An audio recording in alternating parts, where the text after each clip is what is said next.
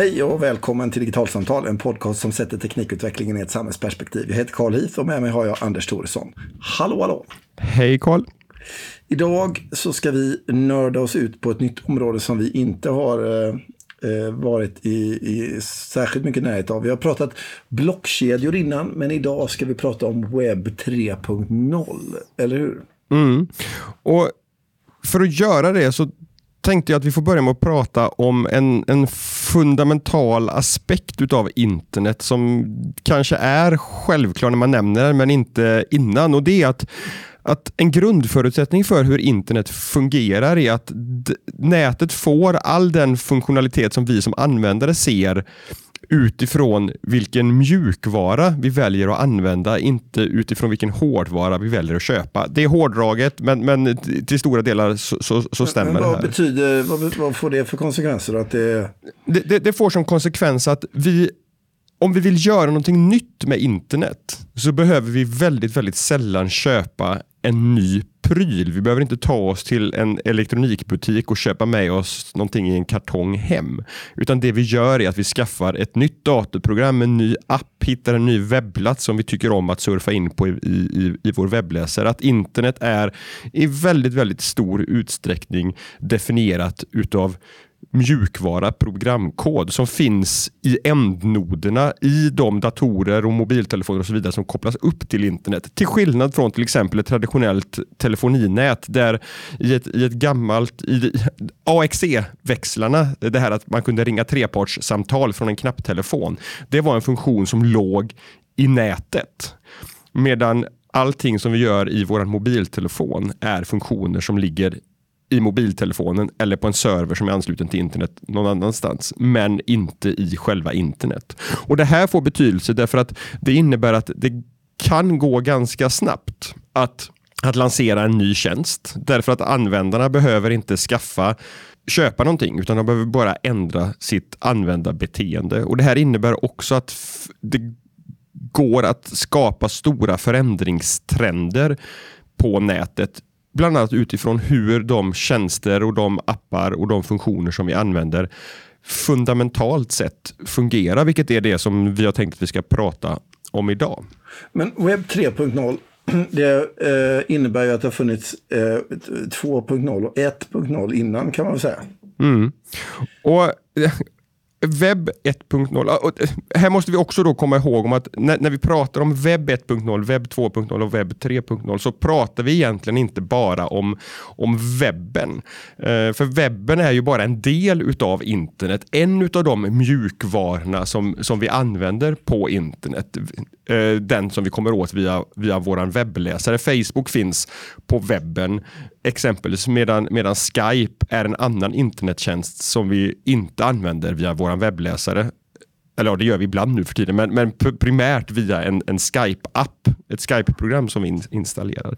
Så, men, men i, i webb 1.0, eller om man liksom backar hela vägen tillbaka till när internet började användas, så, så var det utifrån vad som kallas för öppna protokoll, öppna standarder där man i olika arbetsgrupper med representanter från företag, från eh, alla tänkbara olika organisationer enades om olika sätt för hur saker och ting på internet ska kommunicera med varandra. Hur en webbsida ska kunna skickas från en webbserver någonstans till en webbläsare någon annanstans och hur den webbsidan ska vara konstruerad för att den ska kunna visas. Man använder HTTP för att skicka och man använder HTML för att fylla sidan med ett innehåll, som ett exempel. Och, och den här liksom webb 1.0, det kan man säga kännetecknades väl ganska mycket av liksom ganska öppna och breda tjänster.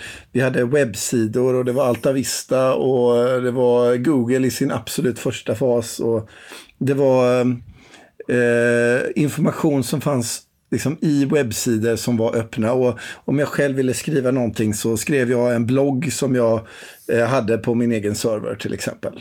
Precis så. Och, och Sen kom då den vågen som kallas för webb 2.0. och Det, det en, var en en utvecklingsfas i internets historia där dels fanns det ett grafiskt eh, formspråk som, som väldigt mycket liksom fick symbolisera de här webb 2.0-tjänsterna. Men, men framförallt så handlade det om, om sociala medier och att användarna inte bara var konsumenter utan också producenter utav information. Det var nu vi fick se bloggar och sociala medier komma på, på lite bredare front. Men också en utveckling där man i större utsträckning gick från att bygga på de här öppna standarderna som var överenskomna tillsammans till att företag i allt större utsträckning byggde sina tjänster med egenutvecklad teknik. Eh, man, man, man, pratar om proprietära lösningar och man, man började få se de här företagen som ville bli inte bara en, en tjänst som attraherade användare utan också en plattform, en, en, en grundplåt som andra företag kunde bygga på. Det här var en av Facebooks eh, ambitioner att inte bara vara ett socialt nätverk för användare utan också en, en miljö, ett ekosystem där spelutvecklare kunde finnas och massa andra app ja, jag, jag kommer ihåg eh, liksom tidigt i Facebook eh, historien där så var det ju några år där liksom spel hade en väldigt framträdande roll i Facebook på nätet. Det var ju liksom innan Facebook var en app i telefonen och sådär. Men, men när Facebook på webbsidan var att liksom helt plötsligt så fanns det Farmville som alla höll på med. Och Synga blev ett företag som liksom fick en miljardvärdering vars i princip hela affär byggde på att göra eh, spel innanför Facebooks trygga he hemvist och inte någon annanstans. Mm. Och, och det, här, det, den här ambitionen att, att vara en, en plattform, precis som allting annat, när man, när man bestämmer affärsmodell så, så påverkar det också de teknikbesluten som, som man fattar. Och, eh, en av de poddarna som jag lyssnar på väldigt bra som jag kan rekommendera heter The Exponent. Och de hade nyligen ett avsnitt med anledning av Cambridge Analytica-skandalen. Eh, ett resonemang om hur Facebook kunde hamna där de gjorde. Att, att släppa iväg data på det sättet som man gjorde under ett antal år. Och det, eh, samtidigt som, som de idag är ett, eh, liksom ett annonsmaskineri i första hand. Och Det handlade om att de hade en, eh, en, en, en, en större ambition ambition att vara en plattform och att man då såg den här datan som man släppte iväg om användarna som någonting som kunde locka in andra företag att, att bygga på den här plattformen. Så man egentligen gjorde så att man erbjöd företag som till exempel eh, gjorde spel eller eh, gissa vilken alv du är eller vad det nu är. Eh, massor av olika typer av tjänster. Man bjöd in dem till att ha sin liksom, app inuti Facebooks sammanhang för att eh, få in ett liksom, bredare ekosystem som i sin tur lockar användare eh, som människor som vill vara inne i ekosystemet och nyttja alla de här olika typerna av Eh, erbjudanden. Ja, precis, och, och det här blir också ett väldigt attraktivt erbjudande för de företag som vill utveckla nya tjänster eller nya spel eller vad det kan vara. Därför man, man pratar väldigt mycket om, om den sociala grafen, alla vänskapsband och, och, och kontakter som, som vi har. Att, att bygger du på Facebook eh, eller Twitter som också var populärt på den tiden att, att bygga uppe på, så, så fick du per automatik tillgång till till ett, till ett befintligt kontaktnät. När, när, man, när man skapar sitt Instagramkonto, när Instagram kom, så fanns det en möjlighet att länka sitt Instagramkonto till Twitter för att den vägen hitta personer som du följer på Twitter som också är användare på Instagram för att snabbt se till att man fick se många bilder i sitt Instagramflöde till exempel.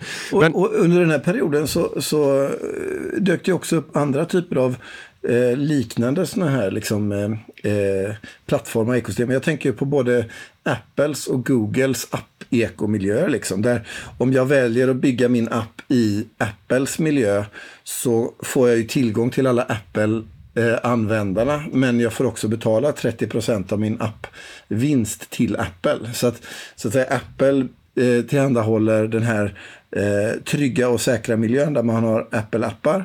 Men Apple tar en eh, eh, 30-procentig vinst på det och sen har Google en motsvarande lösning för Android-ekosystemet helt enkelt. Mm, så, så, så, är det ju, även om jag kan tycka att, att analogin är inte helt jämförbar. Därför att här handlar det också i grund och botten faktiskt om en, om en hårdvaruplattform som din, din, ditt program faktiskt måste kunna fungera på. Uh, men, men absolut, det, det, det, finns, det finns paralleller där också. Men, men det, man, det man kunde upptäcka efter tid här, det var ju att för, för de här tredjepartsutvecklarna som man kallar dem som, som inte är företag som tillhandahåller plattformen utan de, de företag som, som bygger tjänster och applikationer som, som bygger ovanpå det, de kallas för tredjepartsutvecklare. Och de visar sig att de hamnar ju inte alltid i, i en särskilt gyn, gynnsam situation. Det var många kontroverser kring, kring Twitter till exempel, där Twitters egna appar för att twittra inte alltid var så bra. Mm, och där det då kom andra företag som byggde Twitter-appar som är ofantligt mycket bättre. Själv har jag inte använt Twitter från Twitters egna plattformar på jag vet inte hur länge utan jag använder andra Twitter-appar. Men där Twitter kontinuerligt ändrade förutsättningarna för vad de här tredjepartsapplikationerna faktiskt kunde göra.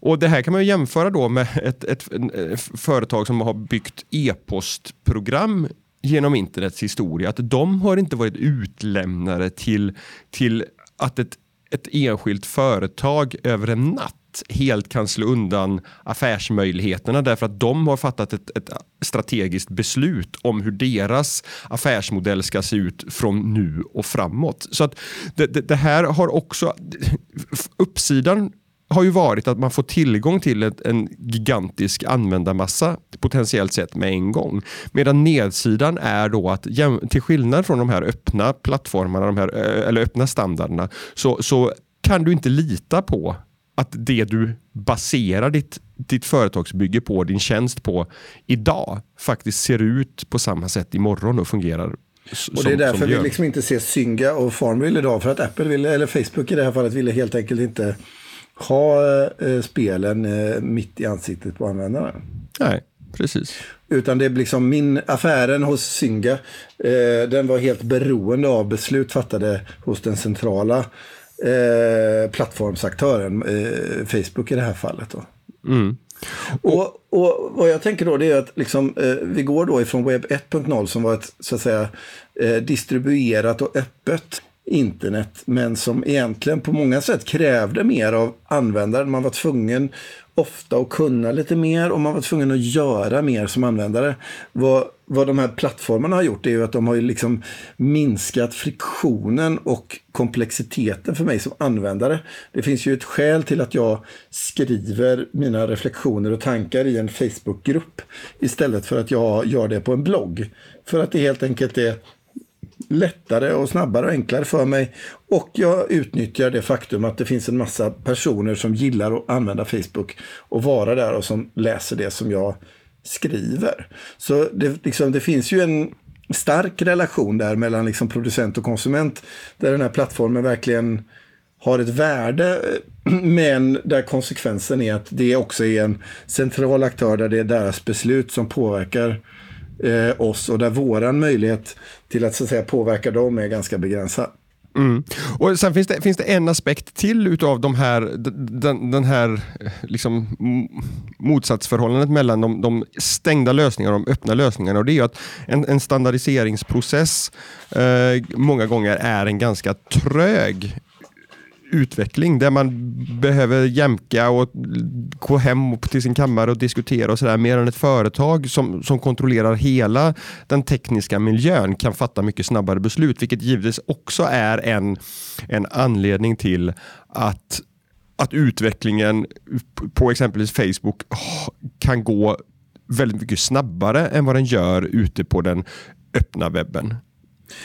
Vad jag tänker då, det är ju att eh, Eh, det blir en, eh, en intressant förflyttning här då. För någonstans så, så når ju de här plattformarna då en situation där helt plötsligt så går man från en situation där plattformarna var beroende av de här tredjepartsföretagen eh, och deras tjänster och sammanhang. Men när de har nått en kritisk massa av användare så blir de helt, då blir maktförhållandena annorlunda. Och det här Eh, är det många som pekar på är liksom ett av skälen till varför det som man nu pratar om som webb 3.0 har kommit att eh, börja växa. Att det börjat finnas en teknikmognad för en ny våg av tjänster men också att eh, flera aktörer som skapar olika typer av nättjänster ser en eh, potential i att kunna göra det med hjälp av tekniska plattformar där man kan så att säga Eh, ställa sig oberoende av de här stora systemen men ändå utnyttja nätverkseffekter och eh, den här liksom mera snabbfotade eh, aspekten som du beskriver att, att Facebook till exempel och så vidare hade. Mm. Här, här, kan man börja med att konstatera att, att begreppet webb 3.0, jag vet inte hur många olika definitioner som jag har sett av vad, vad webb 3.0 egentligen innebär, men, men just nu eh, så, så, tycks, tycks konsensus vara att, att webb 3.0 det är en, en, eh, en decentraliserad webb, att man, eh, ett decentraliserat internet rättare sagt ska man säga, som, som går tillbaka lite grann till, till hur det var innan de här stora plattformarna. Då tänker vi kanske framförallt på, på Facebook fick sin, sin dominerande position. Att, att man på något sätt har en, en, en, strävan och ett önskemål om att, att bryta sig fri från den här plattformen som definieras utav, från, av en enskild aktör till att, att hitta eh, mer konsensus och, och eh, gemensamma överenskommelser. Och, och, här, jag läste ett, ett intressant text av en eh, amerikansk riskkapitalist som heter Chris Dixon som, som jobbar på en av de större amerikanska riskkapitalistbolagen. Och och han, han driver ganska hårt i den texten att eh, tesen att en, en decentraliserad internet eh, vi, vi kommer få se en utveckling som går åt det hållet. Inte minst därför att det, det just nu är mer lockande för en entreprenör eller för en riskkapitalist att satsa eh, sin tid respektive sina pengar eh, Eh, något ställe där förutsättningarna är, är mer lättbegripliga än om man bygger på en kommersiell plattform. Och jag, jag tror att det, det, ligger ganska mycket i, i det resonemanget. Och, men, men Chris Dixon han lyfter också fram att det finns, det finns klara utmaningar. En, en decentraliserad tjänst är inte särskilt tilltalande från början. Den är inte färdigutvecklad utan den är ju någonting som ska, som ska kommas överens om hur saker och ting ska fungera. Medan de här proprietära lösningarna som har utvecklats av enskilda företag, de har suttit på sin kammare och kodat det här. Inte sällan med, med liksom eget kapital eller med, med lite riskkapital, starta upp pengar och sen har de kunnat lansera en, en färdig tjänst som fungerar en, på en hyfsad nivå från, från dag ett. Men där då uppsidan med de här decentraliserade lösningarna är att, att kan man bygga någonting som är tillräckligt lockande för de smarta utvecklarna så kan man få en, en otroligt kraftfull hävstångseffekt. Därför att i takt med att en decentraliserad plattform lockar till sig mer användare, får fler funktioner, att standarderna sätter sig och visar sig fungera, så kommer det locka fler att bygga sina tjänster på den här plattformen. Inte minst därför att man vet att det här är ett, är ett någorlunda stabilt ramverk som vi förlitar oss på. Så om man skulle liksom bara bena lite grann i vad är egentligen vi pratar om här. Mm. Eh, så pratar du, har liksom lyft några begrepp. Du har pratat om att eh, de här tjänsterna är decentraliserade och att de är distribuerade. Eh, om man jämför med eh, till exempel Facebook och Googles tjänster eh, som är centraliserade. Det är en aktör som har dem och de är, eh, finns på det företagets servrar och så vidare. Mm. Men vad är, vad, liksom, hur ser en, eh, liksom, vad, vad, är det som har gjort att de här decentraliserade och distribuerade eh, webb 3.0-tjänsterna börjar dyka upp nu? För man ska verkligen säga att det här är verkligen liksom early days. Det är inte så att en majoritet av användarna har ens hört talas om några av de här tjänsterna än, utan vi befinner oss i de här första, första åren av, eh, Absolut. av, av den här utvecklingen. Vi, vi, vi, kan väl börja med att, att, göra ett försök till att förklara vad, vad decentraliserat och distribuerat är. Och jag tänker att en, en bra liknelse där är att titta på hur, hur e-post fungerar och hur hur Twitter fungerar. Eh, I båda fallen så kan du som användare själv välja vilket, vilket program du ska använda för att skicka e-post. Jag använder det som heter MailMate till min Mac. Det finns Outlook, det finns Gmail, det finns allt möjligt. Ehm, och Jag väljer själv vilken e-postserver som jag ska använda. Om jag vill använda mitt företags e-postserver eller om jag vill använda min, min arbetsgivare eller om jag skaffar en e-mailadress och så vidare så spelar det inte någon roll heller. Utan det här blir som ett nätverk där, där olika servrar pratar med varandra som i sin tur pratar eh, med e-postprogram som skickar och tar emot mail. Till, till, till, liksom, till, vid första anblicken så kan det se ut som att Twitter fungerar på samma sätt. Därför att jag kan välja, jag använder en Twitter-klient som heter Tweetbot, andra använder Twitters egen, någon annan använder ett, en, en tredje klient och så vidare. Och så kan man skicka tweets och direktmeddelanden till varandra. Det, det, det fungerar ju på ungefär samma sätt. Men, men där då den, den fundamentala skillnaderna är, är två. Där, där det dels då är Twitter som enhälligt definierar vilka funktioner som ska ska vara möjliga, vilka Twitter-klienter som ska vara godkända och inte. Och inte. Men, men framförallt där allting går via Twitters egna servrar, via en central punkt på nätet. Så webb 3.0 då, det liksom liknar mer det du beskriver som, som hur mail funkar. Men eh, en av de teknologier som verkligen har gjort det här möjligt att eh, spridas snabbt och är en teknologi som många bygger på. Det är det som vi har pratat om i, tidigare avsnitt också som kallas för blockkedjan. Mm. Eh, och som är en, en slags teknologi som gör det möjligt att eh, så att säga inte behöva ha en central nod i ett nätverk för att åstadkomma en gemensam tjänst utan all information om tjänstens olika delar är distribuerad i nätverket bland alla de som använder den. Mm. Eh, så, att, så att säga själva eh, eh, minnet i tjänsten som håller reda på vilken information som finns var, när, hur och varför. Allt sånt där, det finns inte liksom på en central server någonstans. Utan alla användare har den här informationen i en distribuerad kontext helt enkelt.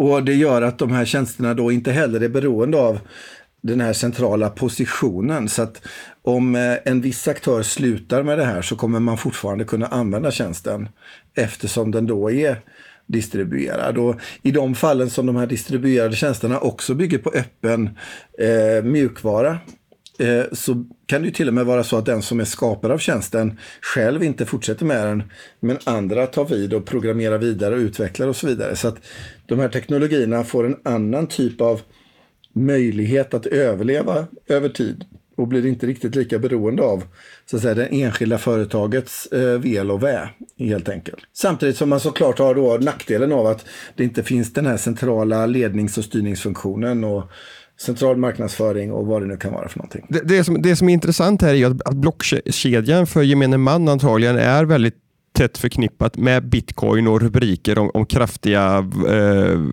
eh, värdevariationer och så vidare. Men, men letar man upp listor på, på nätet över applikationer, tjänster som, som bygger på, på blockkedjetekniken eh, på olika sätt så, så hittar man eh, tjänster och appar som egentligen ersätter varenda en av de vanligaste stora ofta använda funktionerna på internet idag. Allt från sociala medier till fillagring till chatt och så vidare. Ja, alltså, och det är fascinerande för jag, vi ska länka till den här listan. Det finns ju hundratals sådana här webb 3.0-tjänster idag. Som du säger inom precis varenda segment man kan tänka sig. Det finns inom eh, fillagring, så istället för Dropbox eller Google Drive eller OneDrive eller någonting så skulle man kunna använda MadeSafe eller Swarm City eller Filecoin eller Storage.io till exempel. Och eh, om man tar på den sociala sidan så har vi ju kända namn som Instagram och Facebook och Twitter i webb 2.0 och i webb 3.0 så finns det ju liksom en hoper med idag ganska okända namn eh, som eh, Ong eller Akasha eller Appix eller Matchpool. Och jag får erkänna att jag själv är väldigt ny i den här kontexten och, och, och har prövat att använda ett par sådana här webb 3.0-tjänster men långt ifrån inom, inom alla de här olika eh, domänerna. Men jag menar inom messaging finns det också, inom försäkring har det börjat dyka upp Eh, försäkringskontexter som är, eh, bygger sina tjänster baserat på webb 3.0 och likadant inom banksektorn eller för videostreaming och, och, och, och ja, egentligen alla olika typer av nätbaserade tjänster man kan föreställa sig. Eh, men det som ju liksom är en, en stor kluring, det är ju liksom kommer vi se migrationen? Är de stora företagen oroliga för den här utvecklingen och, och, och, vad tror vi kommer hända? För som det är just nu så är ju eh, Apple och Google och Facebook och Amazon, det är ju verkligen eh, företag som har en rejäl dominans. Eh, de är etablerade, de har uppnått sina nätverkseffekter och så vidare. Medan de här webb 3.0-företagen är ju i princip samtliga företag som man aldrig har hört talas om.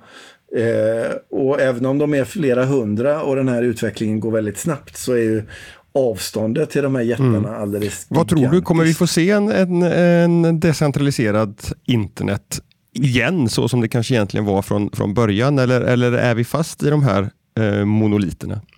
Ja, jag vet inte. Jag har ingen aning. Om jag skulle spekulera lite grann så skulle jag kunna tänka mig att det finns ett antal eh, trender just nu som pekar mot att webb 3.0 så som vi har beskrivit det nu kan komma att eh, få en större yta. Eh, en anledning det är ju att de här eh, plattformarna idag har kommit att bli så stora att eh, deras position ur ett monopolperspektiv eh, aktualiseras. Är det rimligt att ha ett stort socialt medie eh, för hela världen med 2,1 miljarder månatliga användare? Eller är det en, en monopolistisk position eh, som, eh, som underminerar utveckling och innovation. Eh, hur är det på sök och så vidare. Och det, kan ju vara, det skulle kunna vara så att webb 3.0-världen eh, växer till sig som en konst konsekvens av att eh, stater väljer att reglera webb 2.0.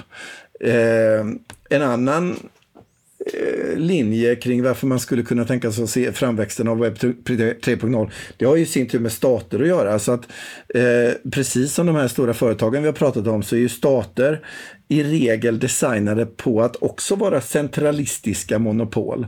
Eh, det vill säga att Eh, jag har min information i Sverige om jag är svensk och jag har en relation till staten Sverige och min eh, bankaffärer går via Sverige och så vidare. Och webb 3.0 och ett argument för till exempel bitcoin har ju varit att kunna ställa sig utanför eh, den traditionella mellanstatliga eller statssuveräna kontexten och att då ha liksom en mer libertariansk approach där jag lever mitt liv och har mina tjänster i en distribuerad och decentraliserad kontext där staten inte behöver så att säga blanda, i, blanda sig i mina vardagliga förehavanden.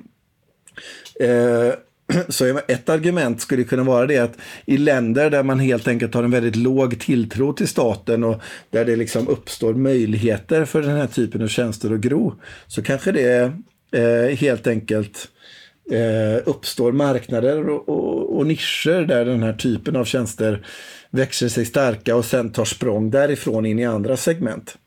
Så det kan, eh, det kan se ut på, på alla möjliga sätt. Om det här kommer liksom gå fort och hur det ser ut och sånt där, det är ju helt hopplöst att, att sia om. Men det är under alla omständigheter en väldigt, väldigt fascinerande utveckling får man säga.